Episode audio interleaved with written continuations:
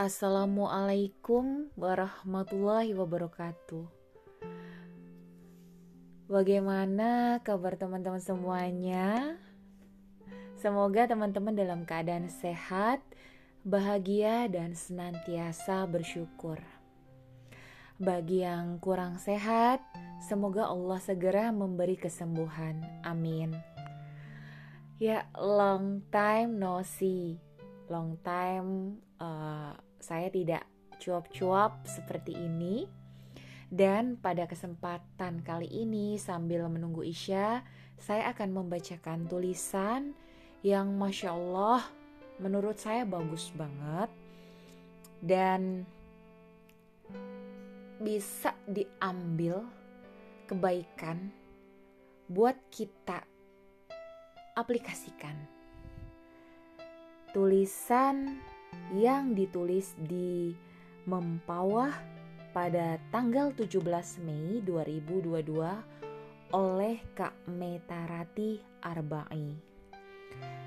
Beliau adalah gadis atau wanita muda yang hebat. Beliau juga adalah seorang mentor, penulis, pendakwah, dan aktif di bidang sosial lainnya. Langsung saja saya akan membacakan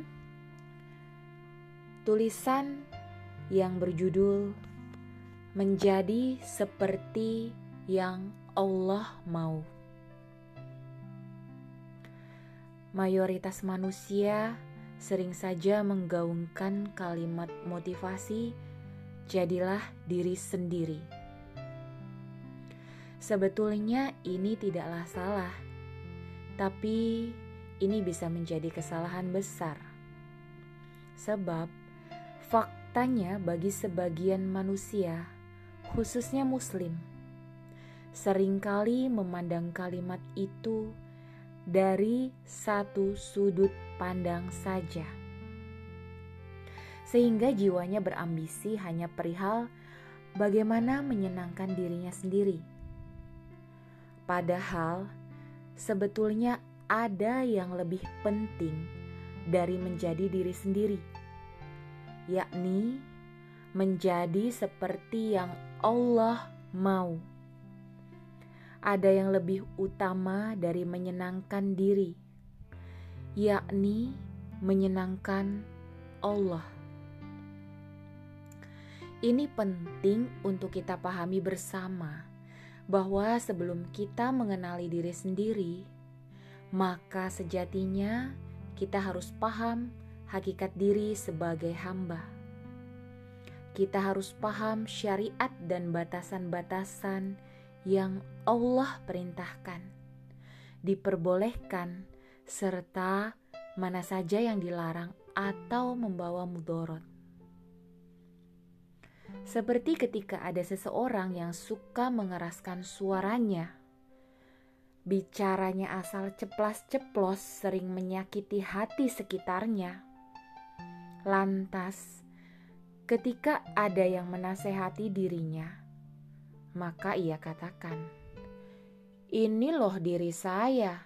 Saya menjadi diri saya sendiri. Saya nggak mau munafik."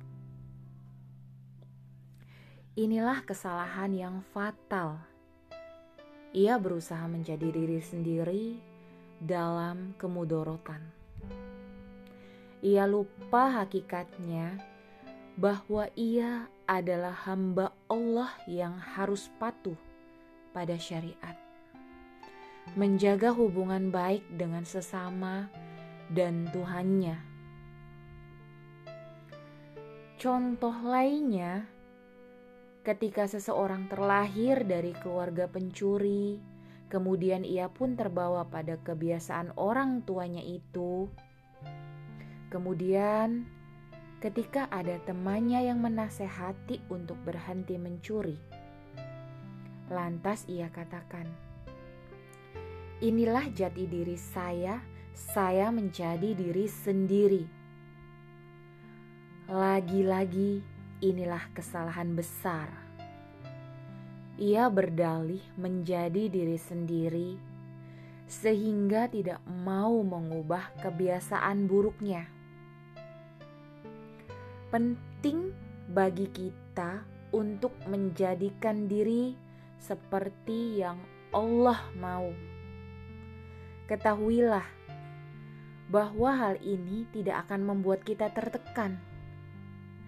Justru ketika kita mengusahakan ridho Allah dalam segala langkah atau sikap di kehidupan, maka ketenangan dan kedamaian di hati akan kita rasakan.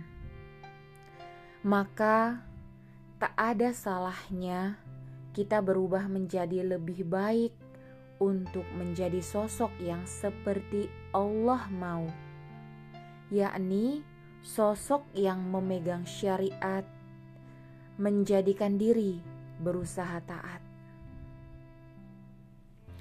Masya Allah, tabarakallah, tulisan Kameta. Terima kasih Kameta uh, telah mengizinkan saya untuk membacakan tulisan ini. Semoga ini menjadi jariah untuk Kak Meta dan teman-teman semuanya. Amin.